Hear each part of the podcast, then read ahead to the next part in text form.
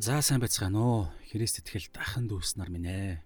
За шалом миний бодол подкастын эхний дугаар эхлэхэд бэлэн боллоо. За эхнийхээ дугаараар би амьдрал гэсэн сэдвийн талаар та бүгдтэйгээ хуваалцахыг хүслээ. За амьдрал гэдэг энэ а үг энэ сэдв болвол а маш том маш өргөн цар хүрээтэй сэдв байгаа мэдээж Тэгээд энэ амьдрал гэдэг энэ дотор ер нь бол бүх зүйл, бүх сэдвүүд, бүх ойлголтууд, асуудлууд, шаардлагууд, хэрэгцээнүүд агуулгадж байдаг. Тэр утгаараа эхлээд том хамгийн том агуулмжаас нь эхлэе гэж бодлоо. За тэгээд э, энэ нь өөрөө маш том сэдв учраас маш олон одоо дараа дараагийн сэдвүүд нь дараа дараагийн үннүүд агууламжууд нь яригдах яригдахаас өөр аргагүй болно.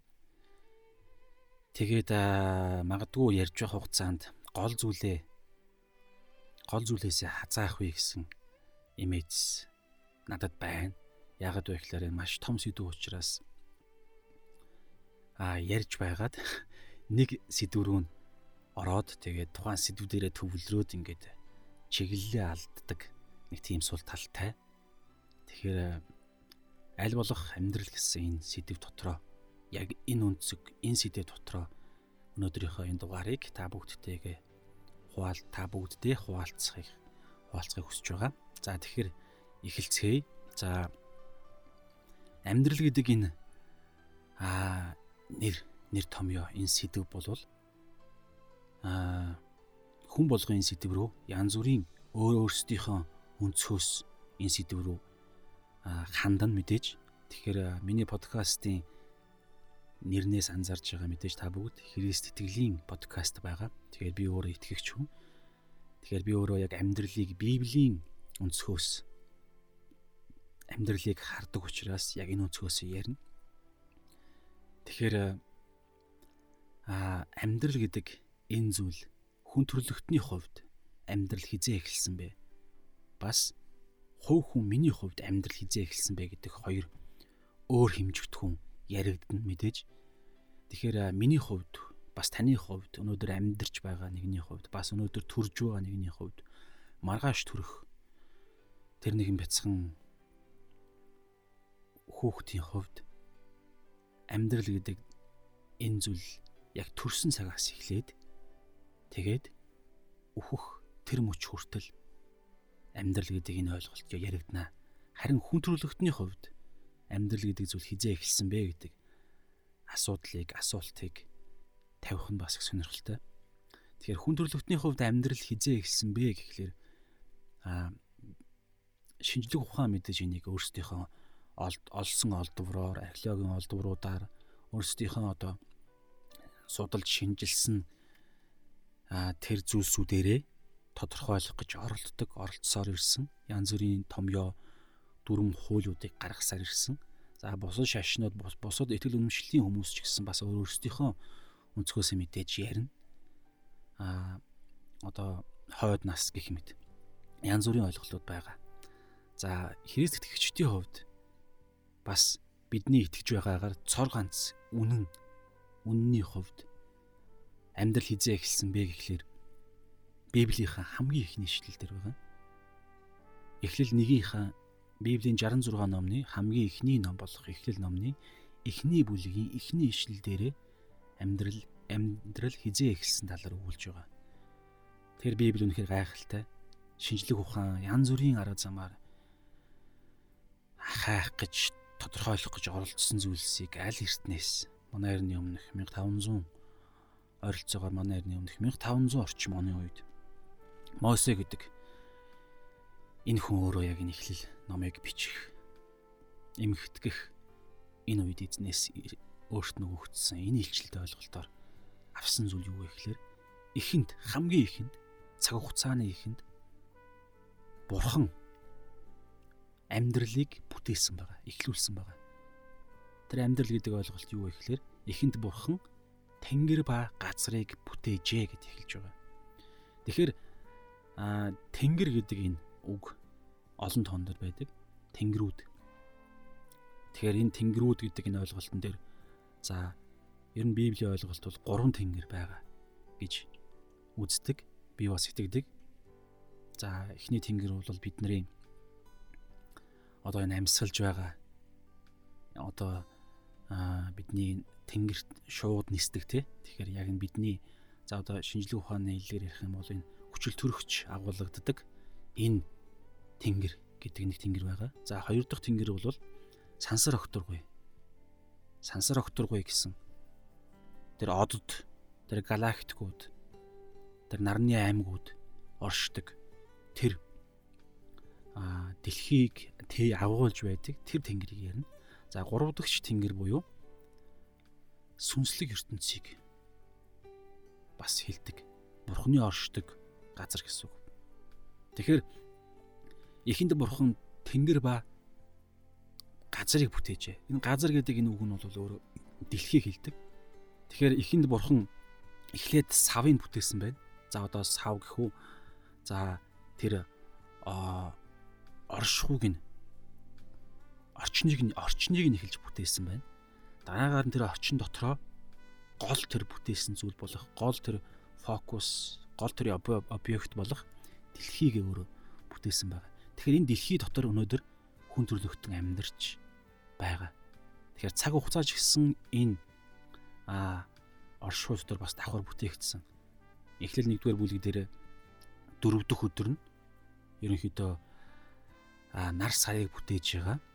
За тэгэхээр нар сараас сараас өмнө аа мэдээж цаг хугацаа эхний өдрөөс гэх юм уу цаг хугацаа ерөөдөө бүтээгдсэн. Тэгээд цаг хугацааны тэр хэмжих ойлголт нь хүн төрлөختөнд тэгж хэмжигдэх, хэрэглэгдэх тэр багж нь хэмжигдэхүүн, хэмжигч нь болох тэр нар сарч гэх юм уу те. А яг энэ өнцгөөс ерөнхийдөө бол дэлхий а цаг хугацаа бас бүтээгдсэн. Тэгэхээр Эхлэл номын эхний Библийн хамгийн эхний ишлэлдэр Бурхан амьдралыг бүтээсэн гэдэг энэ ойлголт байгаа. За тэгвэл амьдрал хизээ хүн төрлөختний хувьд амьдрал хизээ дуусах юм бэ гэсэн ойлголт мэдээж яригдана. Тэгэхээр бас энэ ойлголт энийг яаж харж байгаагаас мэдээж хамаарна. Аа итгэвч бидний хувьд Библийн өнцгөөс ер нь бол юу гэж үзэх вэ гэхлээр юу гэж итгэдэг бас юуг үнэн гэж бурхан өөрөө энийг хэлсэн бэ гэхлээр аа энэ дэлхийн амьдрал, материаллык амьдрал одоо тэ тэр орон зайн хязгаарт орон зай хэмжигдэхүүнд хязгаарлагддаг цаг хугацаан хэмжихүүнд хэмжигдэхүүнд хязгаарлагддаг тэр амьдрал дуусна. Энэ дэлхийн амьдрал дуусна. Бүгд байхгүй болно гэж бас байгаа. Харин эзэн өөрөө оршсоо байх болно.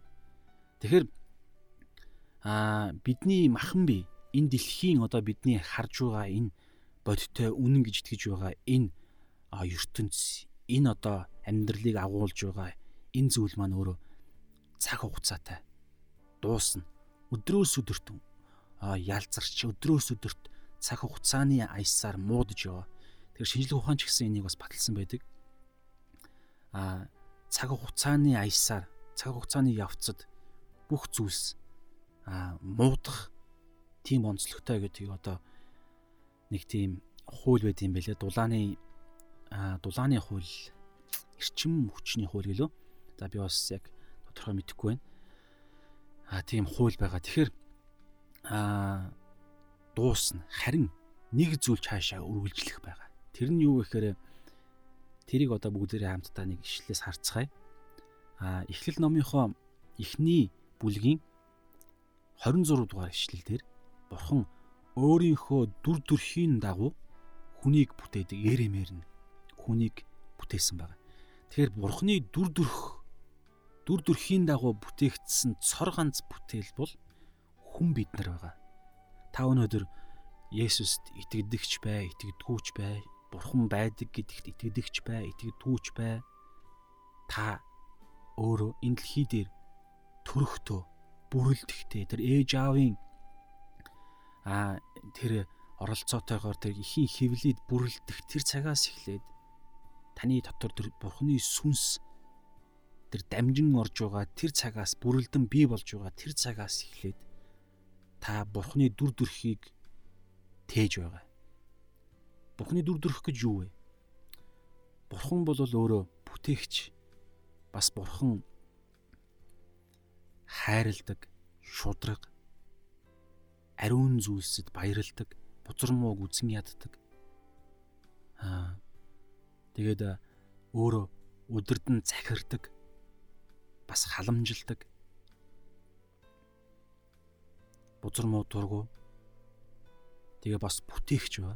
Тэгэхээр эдгээр зүйлсүүдийг та нар саяны дурдсан зүйлсүүдийг анзаарах юм бол бүгд хүнд байдаг зүйлсүүд байна. Хүн өөрөө бүтээгч, бүтээх чадвартай итгэл үнэмшил нь ямар байхаас үл хамааран тэр хүн төрхөөсөө их төрсэн цагаасаа эхлээл энэ дэлхий дээр амьдарч байгаа хугацаанд үргэлж юм бүтээсээр байдаг. Бүтээсээр байдаг. Энэ бол бурхны дүр төрх юм байна. За малад амтэн араатан мал адгуусын хувьд бол бурхны тэр анх бүтээсэн тэр тогтолцооны дагуу л амьдрна. Шин зүйлийг бүтээж бий болгох тэр чадвар, тэр дүр төрх, тэр одоо юу гэдгийг хэрэгцээ, хүсэл тэр сонголт тэр их чөлөө бол адгуус амьтанд бол байхгүй. Мэдээж юм бүтээдэг.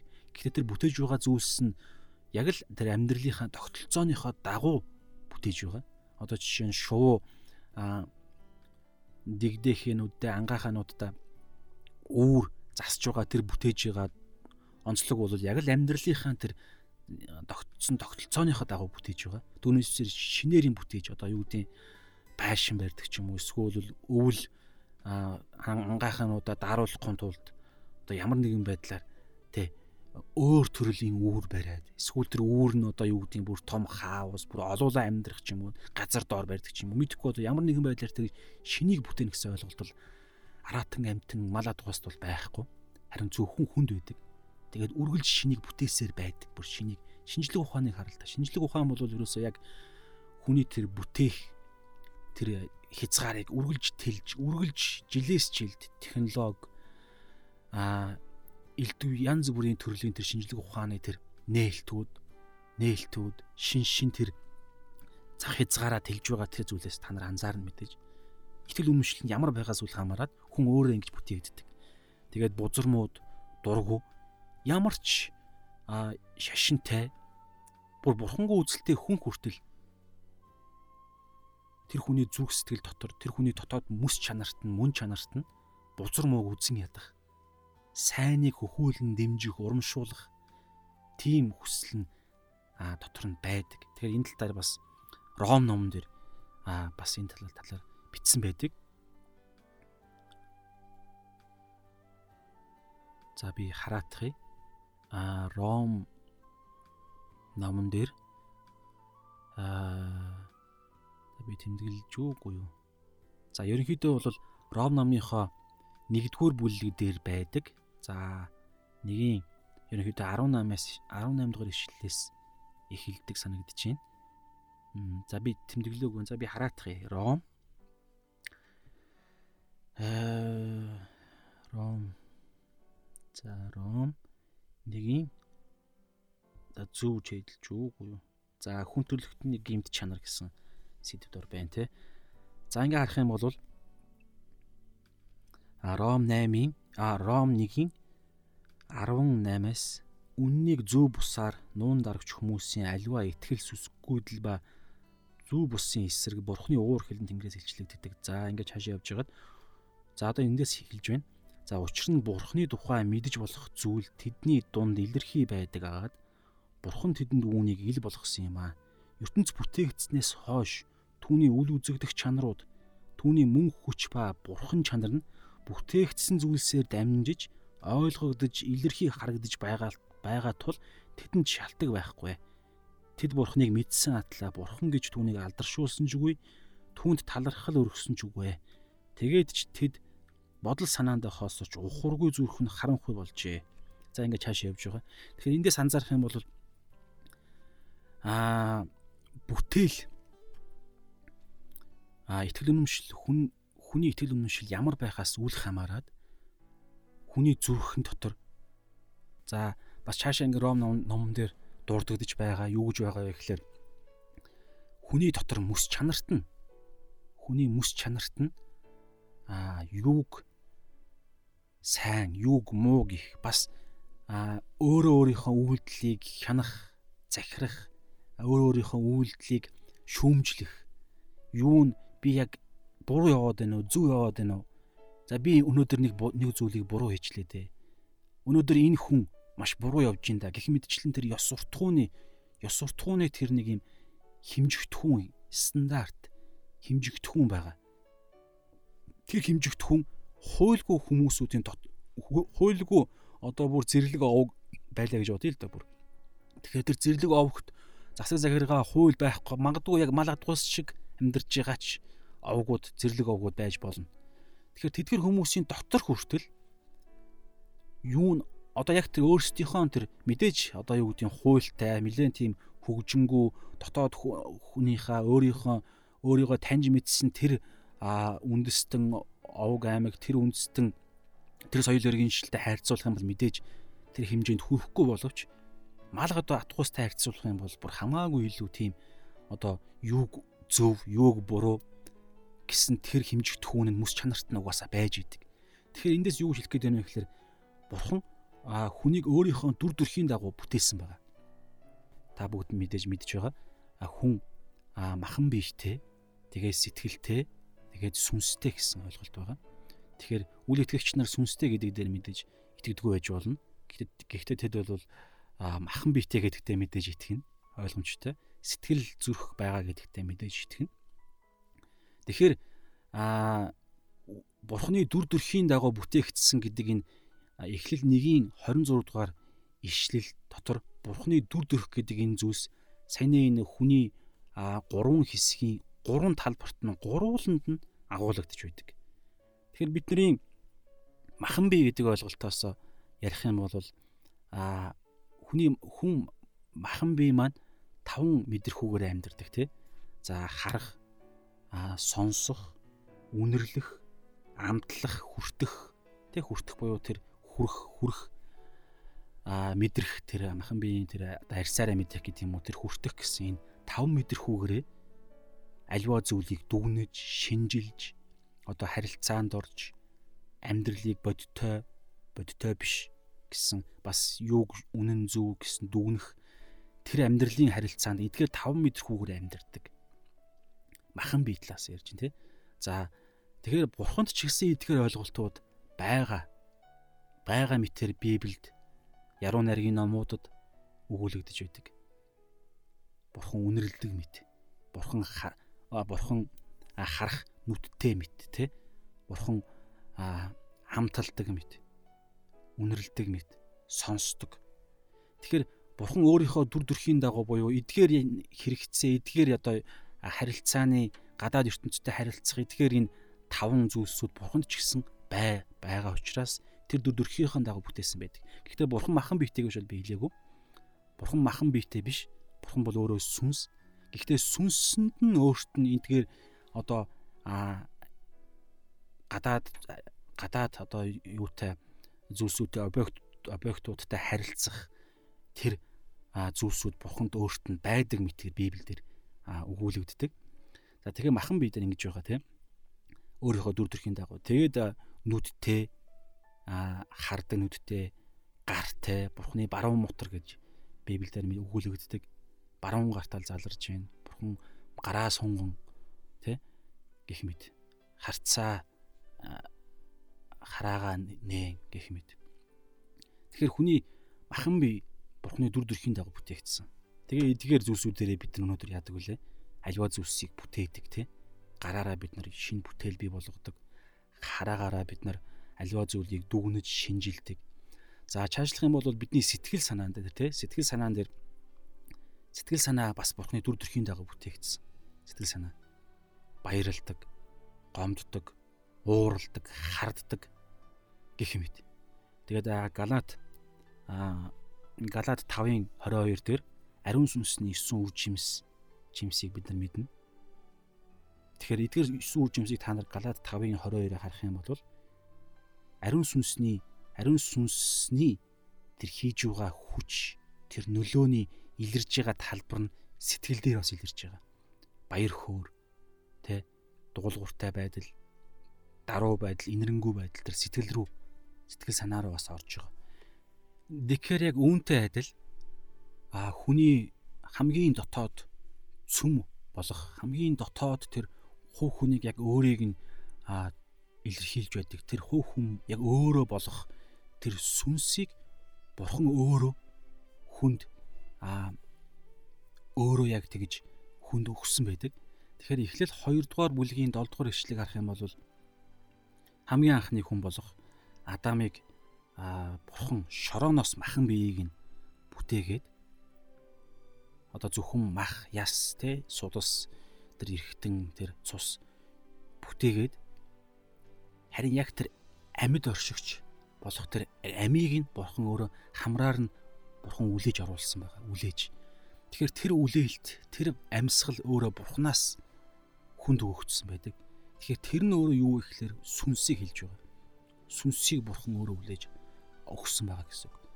Тэгэхээр бурхан өөрөө бол ерөөсөө сүнс сүнслэг оршихуй.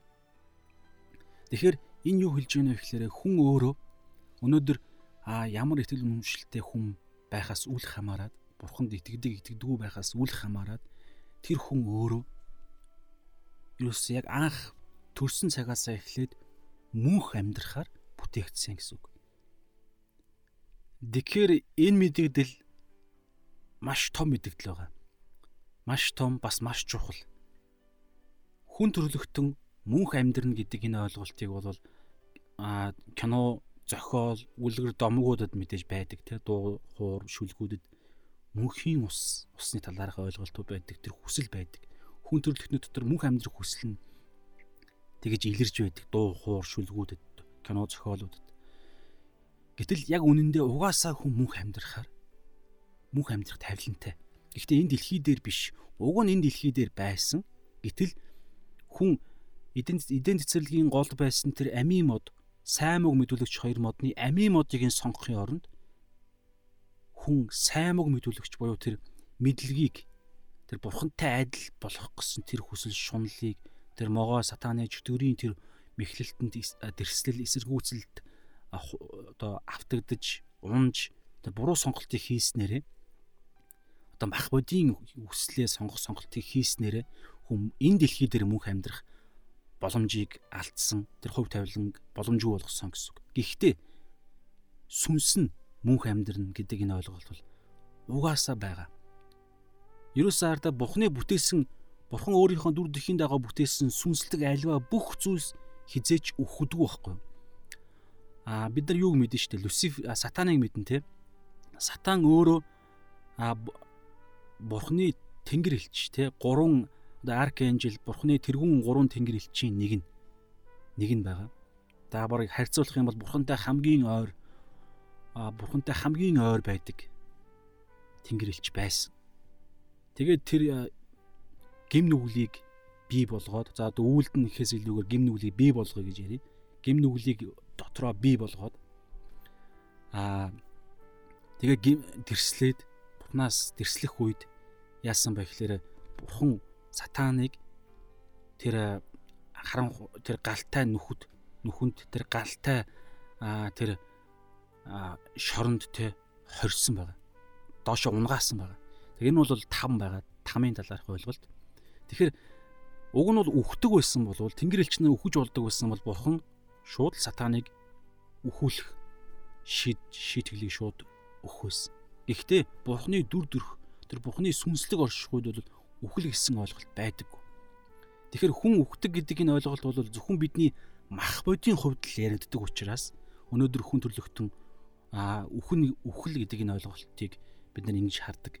Гэхдээ яг хүн гэдэг чинь яг юу юм бэ гэхээр бидний мах бод бол яг би биш байхгүй. Энэ бол юу гэхээр бидний баг хувцастай адилхан. Хувцас бид нар мах бодийг өмсдөг. Тэгээд надад сэтгэл байдаг. Гэхдээ би өөрөө бол сүнс байхгүй юу? Инх тайван гэдэг энэ хүн бол би өөрөө сүнс. Тэгэхээр би угаасаа мөнх амьдрахаар анханасаа бүтээгдсэн. А энэ дэлхий дээр тэгээд гим нүгэл үйлцснээс болоод гим нүгэл гим нүглийн тэр үр бидний дотор үргэлж тээгдэн төрдгөөс болоод бид нар бидний махан бие үхдэг. Харин бидний сүнс яг би өөрөө цаашаага мөнхөд амьдрна. Тэгэхээр энэ ойлголтыг өнөөдөр хүмүүс мэдхгүй энэ дэлхий дээр өнөөдөр хүмүүс өдөр бүрийнхээ амьдралаа амьдралаа үргэлжлүүлэн амьдэрсаар л байгаа. Тэгээд хардаа бид нар яг гол зүйлээ мдээгүй учраас яг амьдрал маань гол зорилгын дагуу амьдарч чадахгүй байгаа гэсэн үг. Тэгэхээр өнөөдөр бид нар яг зорилгын дагуу амьдраагүй бүх амьдрал өнөөдөр бүгд салхинд хийсэх мэдл адил тэг галд бүр ингэж шатан үгүй болох адил өнөөдөр бидний хүн бол одоо итгэгч биш хүмүүсийн амьдрал бүгд ийм байгаа гэсэн. Хэдийгээр өнөөдөр тэдгэр хүмүүс Бурхныхаа дүр төрхийн дагуу тодорхой хэмжээнд агуулгадж байгаа Бурхныхаа дүр төрхийн дагуу тэд энэ нийгэмдэр алдар нарыг бий болгож өнөөдөр сайныг үйлдэж нөгөө нэг Бурхны дүр төрхтэй тэр мэс чанарынхаа дагуу мэс чанарын хуулийнхаа дагуу сайн сайхныг бий болгож аль болох буян үйлдэх гэж оролдож ингэж янз бүрийн юм хийж явсан ч гэсэн тэдний гол зүйл болох сүнсэн тэр гин нүглийн асуудлаа шийдээгүй учраас өнөөдөр тэдний энэ дэлхий дээр наан хийж байгаа тэр амьдралын бүх үйлдэл бүх зүйлс нь өнөөдөр ямар ч утга учиргүй байгаа. Тэгэхээр ийм харамсалтай амьдрал бий бол амьдрал дунд өнөөдөр явж байгаа. Тэгэхээр Есүс өнөөдөр энэ дэлхий дээр ирсэн нь ийм чухал, маш чухал аа ойлголт. Тэгэхээр итгэж бид нар өнөөдөр үнэхээр том хариуцлагатай амьдралаар бид нар амьдрахаар дуудагдсан хүмүүс байгаа. Тий. Тэгэхээр амьдрал гэдэг энэ ойлголтын талаар ярихад бол үнэхээр том ойлголт учраас маш олон сэдвүүд хөндөгдөж маш олон өнцгүүд бас гарч ирэх учраас энэ талаар ярина гэдэг бол үнэхээр бас буруу ойлголт төрүүлэх боломжтой нэг мэдгдэл хийгээл араас нь асуултууд гарч ирдэг учраас энэ талаар ярихад аа нэг иймэрхүү байна. Тэгээд өнөөдөр Монголын амьдрал те Монголын амьдрал итгэгчдийн амьдрал мэдээж ингээд а 90 оноос хойш Христ итгэл Монголд яг нийгэмд яг бодтой бие олж хэлбэрээ олж хэлбэр төрсөө олж явж байгаа хугацаа байна. Тэгэхээр одоогоор за 30 жил болчлоо гэж мэдээж яг цаг хугацааны хувьд мэдээж хэлнэ. Аа за эдгээр тийм ч гэсэн Христ итгэгчдийн амьдрал үнэхээр маш чухал өөр олон олон ойлголтууд олон олон аа эзлэх ёстой талбарууд байсаар байгаа. Тэгэхээр би ингээд итгэлийн амьдралаар амьдарч байгаа хугацаанд үнэхээр олон олон асуудлууд, олон олон асуултууд гарч ирдэг. Тэгэхээр эдгээр асуултууд аа хариулна. Эдгээр асуултуудыг дотроо яг тэр үннийг бий болгоод явна гэдэг бол яг итгэгч хуу хүнээс л бүрэн хамаарат байгаа. Учир нь юу гэхээр аа чуулган гэдэг энэ ойлголт чинь өөрөө хоёр хэмжих түүнээр яригдах ёстой ойлголт. Нэгдүгээрт аа итгэгч хүмүүсүүдийг тээдэг итгэж хүмүүсүүдийн цугладаг тэр цуглааныг тэр хамт байгаа тэр цугларлыг чуулган гэж хэлдэг. Дээр Христ гэдэг тэргүүнтэй тэг ариун сүнсээр хоорондоо нөхөрлөдөг тэр ойлголтыг ярина. Гэхдээ энэ ойлголт нь яг хамгийн чухал ойлголт гэхээр би хувьдаа юу гэж үздэг вэ гэхээр хамгийн чухал ойлголт биш байгаад байгаа байхгүй. Тэгэхээр яг чуулган гэдэг чинь яг юу юм бэ гэдэг хамгийн ихний тэр нэгж нь юу вэ гэхээр яг итгэгч хүн байгаад байна. Итгэгч хүн өөрөө дангаараа эхлээд Бурхны орших, ариун сүнсний орших сүм, чуулган тэр орших гэрн байсан цагтл тэдгээр ариун сүнсийг дотроо орших, дотроо тээж байгаа тэр хувь тэр хувь бие даасан тэр чуулган эхлээд бий болж ийж эхлээд тэр чуулган яг а тэр бие болсон тэр чуулган чуулган болсон тэдгэр хүмүүсүүд цугласан тэр газрыг бол яг яг жинхэнэ биелэн дагуух чуулган гэж ерөөдөө хэлнэ.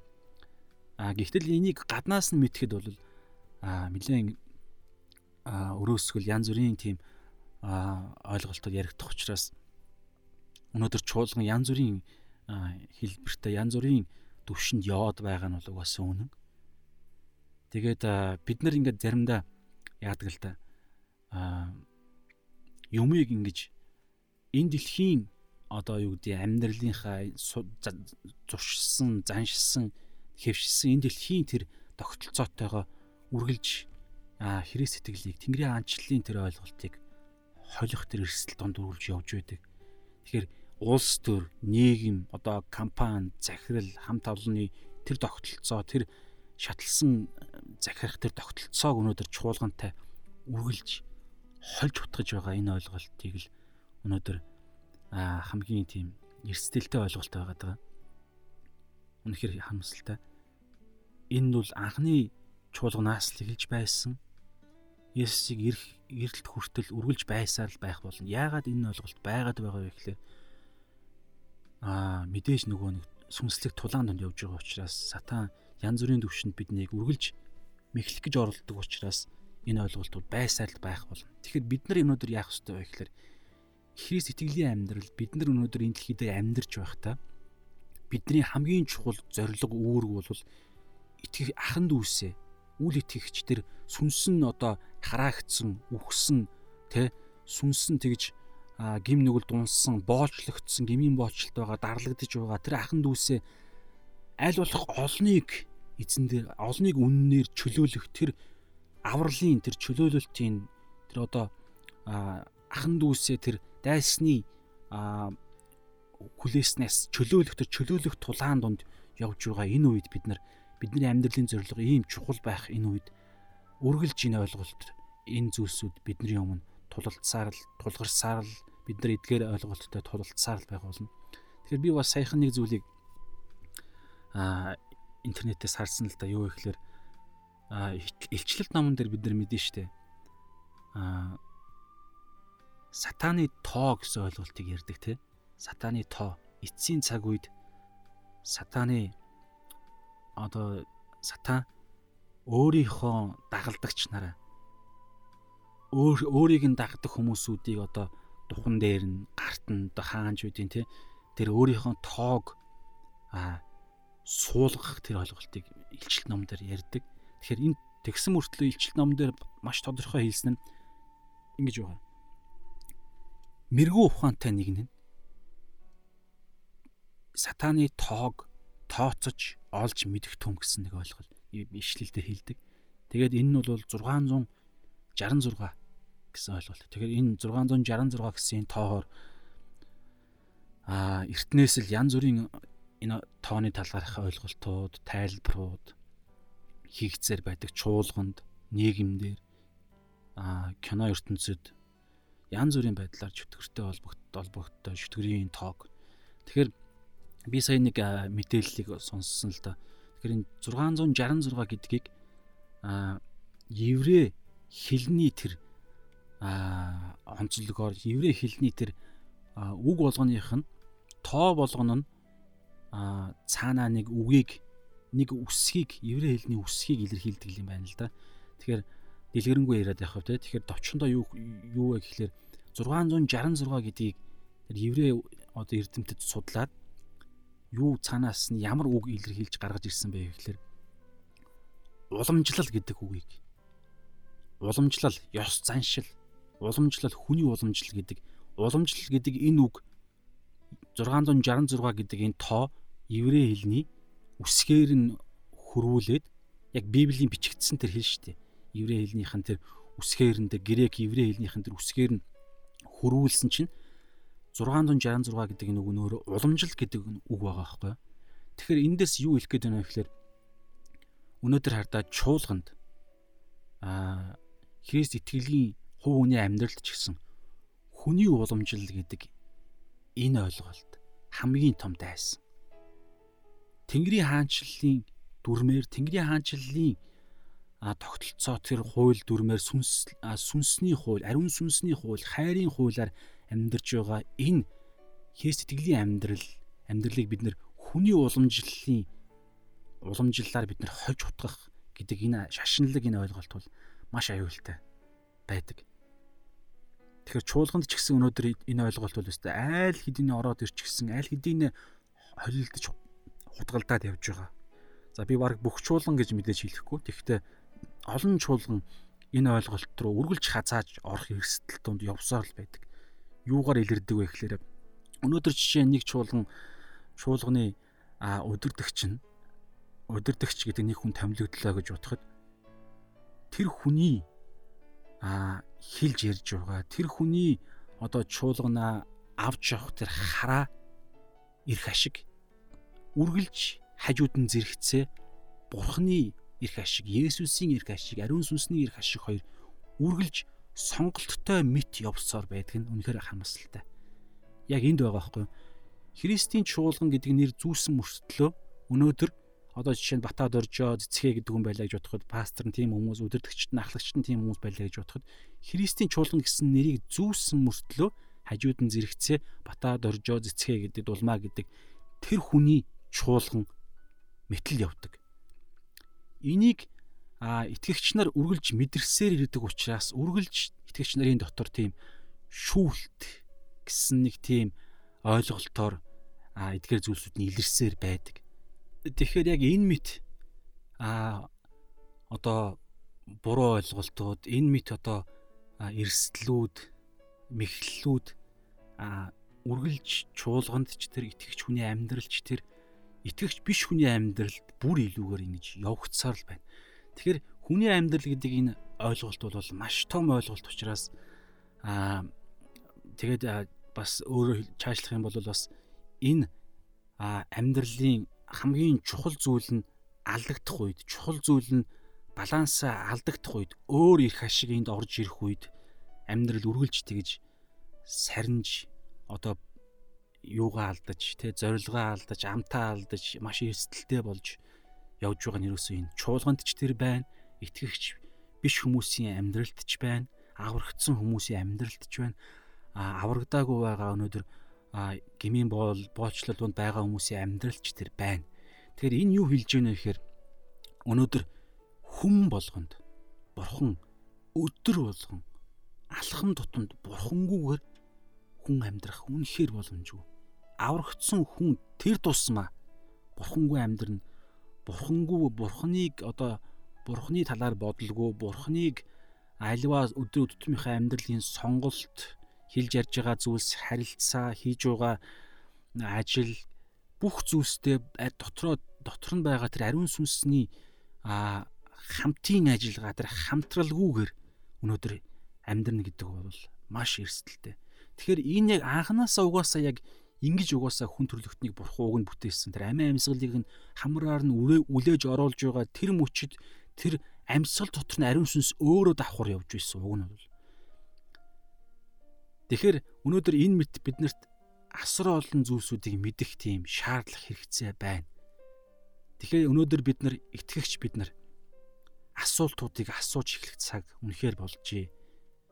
Библиэсээ хамгийн гол нь Библиэсээ асуух хэрэгтэй. Пастор өдөрдөгч ахлагч итгэгч найз нараас асуун гэдэг энэ бол мэдээж яригдана. Гэхдээ энэ а хоёрдугаарт энийг ярих хэрэгтэй хамгийн эхлээд бүх зүйлсийг тэр үнний их сүр их сурвалж болсон тэр библиэсээ л библ буюу тэр бурханаас л асуух хэрэгтэй. Тэгэхээр бас шинэ гэрээнд байгаа те та нарын дотор байгаа тэр дослогоо чинь өөрөө та нарт заах болно гэж байдаг. Энэ дослогоо гэдэг бол ерөөсөө ариун сүнс хэлсэн. Тэгэхээр өнөөдөр бид нэр ариун сүнс гэдэг энэ ам амьсгалгүйгээр бид нэр амьд явах боломжгүй байхгүй юу? Гэхдээ яагаад амьдраад байна вэ гэхлээр мэдээж бурхны нэгүсэл байгаа учраас нэгдүгээрт хоёрдугаарт ариун сүнс өөрөө маш тийм хүлээцтэй учраас бас удаашрлыг тооцдог. Тэгээ бурхан ариун сүнс бас өөрөө төвчээртэй. Гэхдээ бид нар нэг зүйлийг ойлгох хэрэгтэй. Өнөөдөр бид нар итгэлийн амьдралаар ингээд яваал гэж болно. Ойлгох зүйлээ ойлгохгүй а ялах ялах эзлэх ёстой талбар тулаанаа хийхгүй яваад ээж болно аврагдахгүй юу үгүй юу гэвэл угаасаа л аврагдана. Аврал бол бэлэг учраас анханасаа өөгдчихсэн бэлэг бидний юу хийхээс юуг ойлгож ухаарсан мэдсэн а ямар хүн хүнийг аварсан сайн мэдээ тараасан уу тараагаагүй гэдгээс үл хамааран бид нар энэ авралын бэлгийг угаасаа авчихсан энэ библ энэ талаар маш олон маш олон ишлэлээр энэ батлан хэлдэг. Тэгэхээр энийг бид нар өнөөдөр хийх ёстой зүйлээ хийхгүй, мэдэх ёстой зүйлээ мэдэхгүй гарах ёстой талбар дээр эрх мэдэл байр суурин дээр гарахгүй байгаа нь өнөөдөр бидний аврал юус ярихдаггүй. Гэхдээ нэг зүйл яригдчихэж байгаа. Тэр нь юу гэхээр тэр байдлаас болж бусад хүмүүс маань, бусад ахын дүүс нар маань, бусад үл итгэгч хэн байдгийг тэр нэг хүн танаар дамжуулан өнөөдөр бурхан нэг хүнийг аврахаар төлөвлөсөн байтал та бурханы тэр дуудлаганд хариулаг өгөөс болж эсвэл бурханы яв гэсэн тэр гудмаар эрг гэсэн тэр эргэлтээр эргээгүйгээс болж хий гэсэн зүйлийг хийгээгүйгээс болж энэ бүгд энэ бүгдийг бид нар өргөл сонголтоор хийдэг. Яг л эдийн цэцэрлэгт байсан Адам Явад байсан сонголт өргөлж яригдана.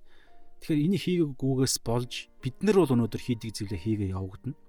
А юу гэдэг зүгээр амьдрал нь итгэлийн амьдрал те тэр авралын амьдрал бид нар үргэлжилсээл байх болно. Гэхдээ нэг ахын дүүс нэг сүнсний аврал өнөөдөр нэг бол хоошлуулагдана. Эсвэл бүр тэр хүн аврал авах тэр боломж нь хүртэл алдагдах боломжтой. Тэгэхээр энэ зүйлсийг бурхан биднээс бас асууна. Эцсийн мөчөд. Тэгээд давхар би хувьдаа юу гэж итгэдэг вэ гэхээр шагнал гэдэг нь ойлголт бол байдаг гэж итгэдэг. Библиэлд ч гэсэн эдгээр ойлголтууд байгаа. Бурхан бол шудраг гэсэн ойлголт. Гэхдээ энийг бол хүний хүн бид нар өөрсдийн оюун ухаанаараа энэ шагналыг бид нар бодох гээд байдаг. Одоо юу гэдэг энэ тэр ялгуурл маягаар. Нөгөө Библиэлд байгаа ишлээд нь шүү дээ.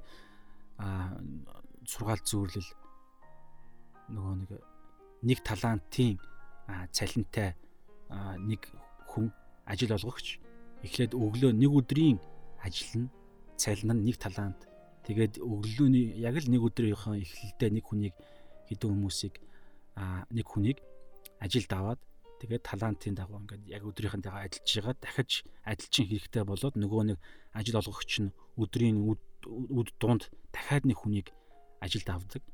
Тэгээд явж явж байгаа дахиад бас хүмүүс хэрэг болоод хөлс хүч хүн хүч хэрэг болоод ажил дуусах юм лээ. Дөнгөж наан дахиад нэг хэдэн хүмүүсийг аваад ажилуулдаг. Тэгээ ажил ажил дууссны ажлын өдөр дууссны дараагаар нь ажил олгогч а хамгийн сүүлд ирсэн хүмүүсүүдээс эхэлж цалингийн өгөх үедээ яг л нэг өдрийнх нь тэр талант цалингийн өгдөг эхлээд хамгийн бага ажилтснаас нь эхлээд. Тэг яг тэр өгж байгаа харангуудлаа хамгийн их цагаар ажилласан ихэнд ажилласан хүн дотроо юу гэж бодож байгаа гэхээр за би илүү цагаар ажилласан юм чинь энэ хүн одоо юу гэдэг итгэхийн хувь одоо 10 100-ны 10% нь ажил ажилласан байхад бүтэн өдрийн цалин авч байгаа юм чинь 100-ны 100% буюу бүтэн өдөржингөө ажилласан надад яаж ч утсан нэг өдрийн цалингаас илүү өгнө гэж бодож бодоод зогсож байсан. Тэгэхэл яг ингэж өгж явсаар байгаа тухайн ажил олгогч маань бүх хүмүүст ямар ч цагт ирсэн байсан бүгдэнд нь яг л нэг өдрийн ажил юу гэдэг цалингийн өгдөг. Тэгээ хамгийн сүүл нөгөө хүнд ирээд нөгөө нэг юу маань ажил олгогч нь яг л нэг өдрийнхэн цалинг нь өгөх үед нөгөө хүн дотроо маш ихээр тэгж одоо игдүүцэж а юу гэж хэлдэг вэ гэхээр ерөөсөө л яг л угаасаа бид нар яг тэгж хэлнэ шүү дээ би илүү цаг ажилласан. Гэтэл та бага цаг ажилласан хүнд ингэж өгж яхад илүү цаг ажилласан хүнд яаж утсан та илүү өгнө үстэй яагаад ингэж өгж байгаа юм бэ? Гэд гомдлоод ингэж гомдлох үед нөгөө ажил олгогч юу гэж хэлсэн бэ гэхээр би анханасаа чамд гэрээ байгуулахдаа яг л нэг талаантыг л өгнөж хэлсэн. Яг л хийснээрээ би өгч байна. Харин эдгэр хүмүүсүүдийг би өөрөө миний цалин, миний мөнгө учраас би өөрийнхөө дур хүслээрээ л эдгэр хүмүүсүүдэд илүү өгч байна. Энэ бол миний эрхээ. Би чамд худлаа ярьсан гэж үү, би чамайг хуурсан гэж үү? Яг л хийснийхаа дагуу л өгж байгаа шүү дээ. Гэсэн энэ ойлголтыг ярьдаг. Тэгэхээр энүүгээр би юу хэлэх гээд байна вэ гэхээр шагналын талаар итгэж бид нар бас бодохдоо бурхан бол шагнал байгаа гэсэн ойлголтыг бол ярьдаг гэж би итгэдэг. Библиэлд ч гэсэн бас тодорхой нэшлүүд байдаг. Тэгэхээр энийг ярих үед хүмүүс юу гэж дүгнэх гээд байдаг вэ гэхээр яг хүн бид нарын тэр цалингийн тогтолцоо, шагналын тогтолцоо, тэр одоо харьцуулалт те яг юу гэж хийснээрээ ямар ажил хийснээрээ тийм цалин аавна гэсэн юм цалин юм шиг боддог. Гэтэл бурхны хувьд шагнал гэдэг нь ойлголт бол шал өөр ойлголт. Гэхдээ эндээс би юу гэж хардаг вэ гэхээр бид нарт шагнал бас яригдана. Тэгэхээр юу хэлэх гээд байна гэхээр өнөөдөр бид нар ойлгох ёстой зүйлээ ойлгохгүй амьдралын талаарх үннээ амьдралын талаарх ухаарах ёстой ухаарлуудаа эзлэх ёстой талбаруудаа гарах ёстой байр байр суурьндаа гарахгүй ингэж өдөр тутмын ингэж одоо юу гэдгийг хойрогшсон, залхуурсан, итгэлгүй байдлаар амьдрсан энэ амьдралаараа амьдраад байх хугацаанд бид нэгдүгээрт нөгөө хүмүүс маань биднээр дамжуулж аврагдах ёстой хүмүүсүүдийн амь нас яригдана нэгдүгээр. Хоёрдугаарт өнөөдөр бид нар а бидний шагналын ойлголт бид нар өнөөдөр а мөнхөө уст очиод мөнхөд амьдрах тэр ямар байдлаар амьдрах тэр ойлголт ч гэсэн а бас яригдана гэж би бол хөвдөө итгэдэг. Тэгэхээр амьдрал гэдэг энэ ойлголтын талаар ярихад бол маш их зүйлс яригдах гад байдаг. Тэгэхээр бас цаг мэдээ явж байгаа учраас ерөнхийдөө өндөрлөх тийшээ хандъя гэж бодлоо. Тэгэхээр юу ярих гэж бодож байгаад яриха марсан зүйлсүүд нэлээд байгаа юм шиг байна. Гэхдээ а Ром эцэст нь би бас нэг ишлэлийг та бүгдтэй хуваалцаад өнөөдрийнхөө а энэ дугаарыг өндөрлөе гэж бодлоо. Ром 8:28 Ром 8:28 гэсэн ишлэлийг та нар мэдж байгаа. Бурхныг хайрладаг түүний зорилгын дагуу дуудагдсан бүх хүмүүс те бүх хүмүүс тохиолдож байгаа бүх зүйлс эцэстээ тэдний сайн сайхны төлөө ажилдгаа гэсэн ийм агуулгатай ишлэл байдаг. Тэгэхээр энэ ишлэл маш олон олон үннүүдийг бас ерөнхийдөө илчилдэг. Ер нь Библийн ишлэлүүд, альва ишлэлүүд цаана маш олон үннүүдийг ил болгон гаргадаг. Тэгэхээр энэ ишлийн цаана юу байдаг вэ гэхээр өнөөдөр та өнгөрсөн амьдралаа эргээд харахад таны амьдрал итгэлд ирэхээс өмнөх амьдрал итгэлд ирсний дараах амьдрал өнөөдрийг хүртэлхтэр итгэлийн өнгөрсөн амьдрал бүгд ялгаагүй эргээд харахад зовлон одоо юу гэдгийг хэцүү дурсамжууд өвчин зовлон өхөл хаагцал аа гашуун дурсамжууд олон олон зүйлсүүд байгааг бид нар бүгдээрээ мэдж байгаа. Тэгэхээр эдгээр зүйлсүүдэд та нар бодорой. Итгэл дээр ирээд бурхан итгэл дээр ирэх үед бурхан бидний амьдралд өөрчлөлтийг хийдэг бас хийхийг хүсдэг. Тэгэхээр энэ өөрчлөлтийн процесс дунд бидний өнгөрсөн амьдралд тэр туулсан, үзсэн тэр тулаан тэр хэцүү зүйлсүүдээс бий болсон тэр шарах, тэр сорив, тэр өвдөлт, тэр дурсамжууд итгэлийн амьдралд өсгөд саад болж байгаа гэсэн нэг тийм ойлголт явдаг. Тэгээд бид нар энийга мэдрэх болгондоо итгэж бид нар маань яадаг вэ гэхээр харамсдаг, а бустай харьцуулаад аав ээж нартаа амьдралд, хувь тавиланда бурханд хүртэл гомддог Гэхдээ бид нар нэг зүйлийг ойлгох хэрэгтэй. Өнөөдрийн Ром 8:28-ыг бид нар харж эндээс бурхан биднэрт юу хэлдэг вэ гэхээр Бурханыг хайрладаг нөхцөл нь байна те. Бурханыг хайрладаг түүний зорилгын дагуу дуудагдсан гэж байгаа. Тэгэхээр бидний дотор Бурханыг хайрлах хайр байна уу гэсэн энэ асуулт хамгийн чухал асуулт. Бурханыг хайрлах хайр байна уу? 1-р Коринт 13 дугаар бүлгийг бид нар мэднэ те бас 2 дугаар Коринт номны хамгийн сүүлийн ишлэлтэр бас байдаг. Эцэг бурхны хайр гэж байгаа. Эзэн Есүс Христийн нэгүсэл эцэг бурхны хайр, ариун сүнсний нөхөрлөл гэсэн ойлголт. Тэгэхээр бурхны хайр, бурхан аавын хайр гэсэн ойлголт. Тэгэхээр бид нар бурхан бурхныгаа бид нар хайрлж гинэ. Тэгэхээр хайр гэдэг энэ дотор бүх зүйлс агуулгаддаг. Яг амьдрал гэдэг энэ үгэн дотор бүх зүйлс агуулгадтай агуулгадтай агуулгадагттай адилхан а хайр гэдэг энэ үгэн дотор сүнслэг ертөнцийн бүх зүйлс юу тэгдэж явдаг. Бүх хууль, бүх иш үзүүлэгч, бүх хууль, бүх дүрм, бүх хүч чадал, мэдлэгүүд, бүх одоо юу гэдэг эрх мэдэл энэ хайрын дотор агуулгаддаг. А та бурхныг өнөөдөр би өнөөдөр бурхныг хайрлаж гэнэ гэсэн нэг асуудал асуулт байна. Хоёрдугаарт Ром 8:28 дээр те түүний зорилгын дагуу дуудагдсан Бурхны зориг зорилгыг та өнөөдөр мэдхүү итгэгч хүн та. Бурхан ямар зорилгоор өнөөдөр энэ дэлхий давтсан хөдөлгөсөөр байна вэ? Цаг хугацааг эргүүлсээр байна вэ? Өнөөдөр шин хүмүүс төрсөөр байна вэ? Хүмүүс өнөөдөр өдөр бүрийн амьдрал үргэлжилж байгаа нь бурхан ямар зорилготой, ямар зорилгыг харааг, алсын харааг тээгээд өнөөдөр аа бурхан энэ төлөвлөгөөг хэрэгжүүлж байна вэ? Тэрийг та нэгдүгээрт мэдхүү Хоёрдугаарт мэдж байгаа бол та тэрийг өөрийнхөө амьдралын зорилготой та нэг болгосноо. Амьдралынхаа дуудлагатай та нэг болгож энэ зорилгыг та өөрийн зорилгоо болгож та хүлээн авсан уу?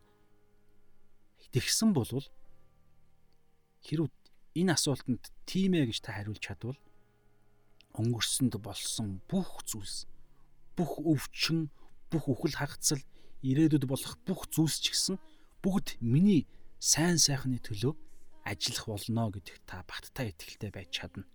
Энэ итгэл таныг энэ үнэнтэй үргэлж холбосоор байх бол. Тэгэхээр түрүүний ярьж байгаа юм бас нэг ганц нэг сэдв бас яалтчгүй гараад ирлээ тэр нь юу вэ гэхээр дуудлага гэсэн ойлголт тий. Тэгэхээр дуудлага бурхны зорилгын дагуу дуудагдсан гэж байгаа.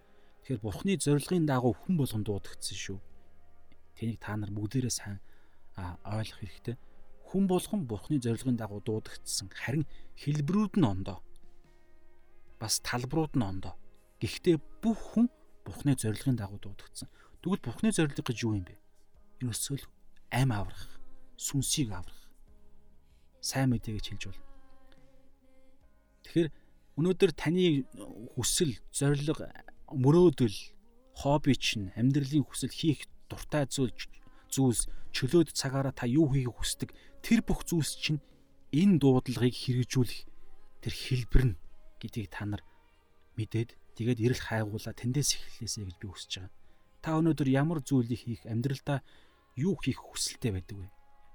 За одоо юу байж болно одоо жишээ нь залуучууд те сакс тоглодог юу спортын хоббитэй хүмүүс байж болно. Тэгэхээр тэр спортыг тоглох төр хүсэл чинь бурхны зорилгыг хэрэгжүүлэх таны талбарыг талбараа олж мэдхэд чинь хэлбэрээ олж мэдхэд чинь тэр хүсэл хобби сонирхол чинь танд чиглүүлэг болж өгнө бурхан бидний зүрхэнд хүслийг а өгдөг. Бидний зүрхэнд байгаа тэр хүслийг бурхан өгдөг шүү. Тэгэхээр энийг бид нар маш сайн ойлгох хэрэгтэй. Магадгүй одоо юу гэдэг хин нэг нь компьютер тоглодог хүмүүс байлаа гэж бодъё. PC-нд дондцсон хүмүүс байлаа гэж бодъё л доо. Та тэр талбар дээрээ хүртэл бурхны хүслийг олж хараарай. Та ингээд компьютер тоглох хүсэл маш их байгаад тэрийг бүр сөргөөр та бодоод нэг Тэ эцэг их аав ээж нийгэм багш нар чинь хэлдэг. Мэдээж тэр хэтрүүлвэл аливаа зүйлс балансаа алдвал үргэлж буруу болдог. Гэхдээ тэндээсээ та хүртэл та нэг зүйлийг дотоод хүнээ бас олж харах гэж эрэл хайгуулаа хийгэрээ. Би яагаад компьютер тоглоомд ийм их дуртай байна вэ? Тэгэхээр тэрийг та сүнслэг ертөнцтэй холбоод, итгэлийн амьдралтай холбоод а энэ ертөнцийн суураас өнөөдрийг хүртэл үргэлжлэсээр байгаа энэ сүнслэг тулаантай та холбох юм бол өнөөдөр таны тоглоомын цаана байгаа тэр хүсэл тэр тэр татагдаад байгаа тэр зүйлээ хүртэл та олж илрүүлэх боломжтой. Гэхдээ энэ бүгдийг би ямар хүмүүсүүдийг хамруулж ярьж байгаа гэхээр ерөнхийдөө итгэгч хүмүүсүүд энийг олж мэдэх л боломжтой. Тэгэхээр та эхлээд итгэгч байгаад, чинхий итгэгч байгаад, бурхнаа хайрладаг байгаад, тэгээ бурхныхаа зорилгыг мэддэг байгаад мэддэг байх юм бол танд боломж улам илүү бурхны зорилгыг өөрийнхөө амьдралын зорилгоо болгох алхмаа та маш ойрхон байна гэсэн үг. Тэгэхээр Бурхныхаа зорилгыг нэгдүгээрт мэдэх хэрэгтэй. Тэгээ Бурхныхаа хайрладаг байна мэдээж те. Тэгээд тэр зорилгоо та дотроо оюун ухаандаа мэдээд явж байгаа. Гэхдээ зүрхэндээ та оруулах чадахгүй байгаа байж болно. Гэхдээ таны зүрхэнд байгаа тэр хүсэл чинь тэр зорилготой чинь нэг болно шүү. Нэг байхаар тийм төлөвлөгөө байгаа Бурхны. Тэгэхээр та альва бүх зүйлс эрүүл ухаан эрүүл ухаанд ерөнхийдөө нийцж бурхан ажилдаг учраас таны хийх хүсэх хүсдэг бүх зүйлсүүд чинь таны дуудлагатай чинь маш чухал холбоотой байгаа шүү гэдгийг би танд хэлхийг хүсэж байна. За ерөнхийдөө өнөөдрийн сэдв иймэрхүү байлаа. Тэгэхээр дараа дараагийнхаа сэдвүүдийг айл болох а мэдээж сэдвүүд нь одоо юу гэдгийг илүү тодорхой болох учраас бас хугацаанд ч гэсэн бас та бүгдийг чилээхгүй а арай богино байх болно гэдэгт би итгэлтэй байна. Тэгэхээр өнөөдрийн эхний сэдв яалтчгүй том сэдв учраас а олон зүйлсүүд хөндөгдөж байна. Тэгэхээр а шалом миний бодол подкасттай та хамт байгаарай. Тэг дараа дараагийн сэдвүүдийг бас та сонсоо сонсоосоо хуваалцсан зүйлсүүдийг та сонсоосоо гэж хүсэж байна. Тэгэхээр энэ энэ подкастын энэ платформд бас доор нь voice mail-ээр бас мессеж илгээж болдог юм шиг байгаа юм. Тэгэхээр та магадгүй тийм тохиргоо байх юм бол та нэг үзээд сонирхоод тэгээ болж ивэл та бас үзэл бодлоо ч юм уу асуултаа ч юм уу те бас ямар сэдвийн талаар та а яг асар олон илхий дээр хүмүүс амьдарч байгаа те итгэж хүмүүс ч гэсэн асар олон байгаа. Тэгэхээр яг нэг хүн их тайван гэдэг энэ хүний өнцгийг ч гэсэн та бас сонирхоод сонирхохыг хүсэж байгаа бол та бас юуны талаар сонсохыг хүсэж байгаагаа та бас а мессежээр хэлэх боломжтой. Тэгээд би тэднээс харж байгаад яг зүрхэндээ нийцж байгаа тэр сэдвийг бас дараа дараа нь ярилцах боломжтой шүү. Гэхдээ мэдээж цөөхөн хүмүүс сонсож байгаа гэж би уусаа мэдж байгаа.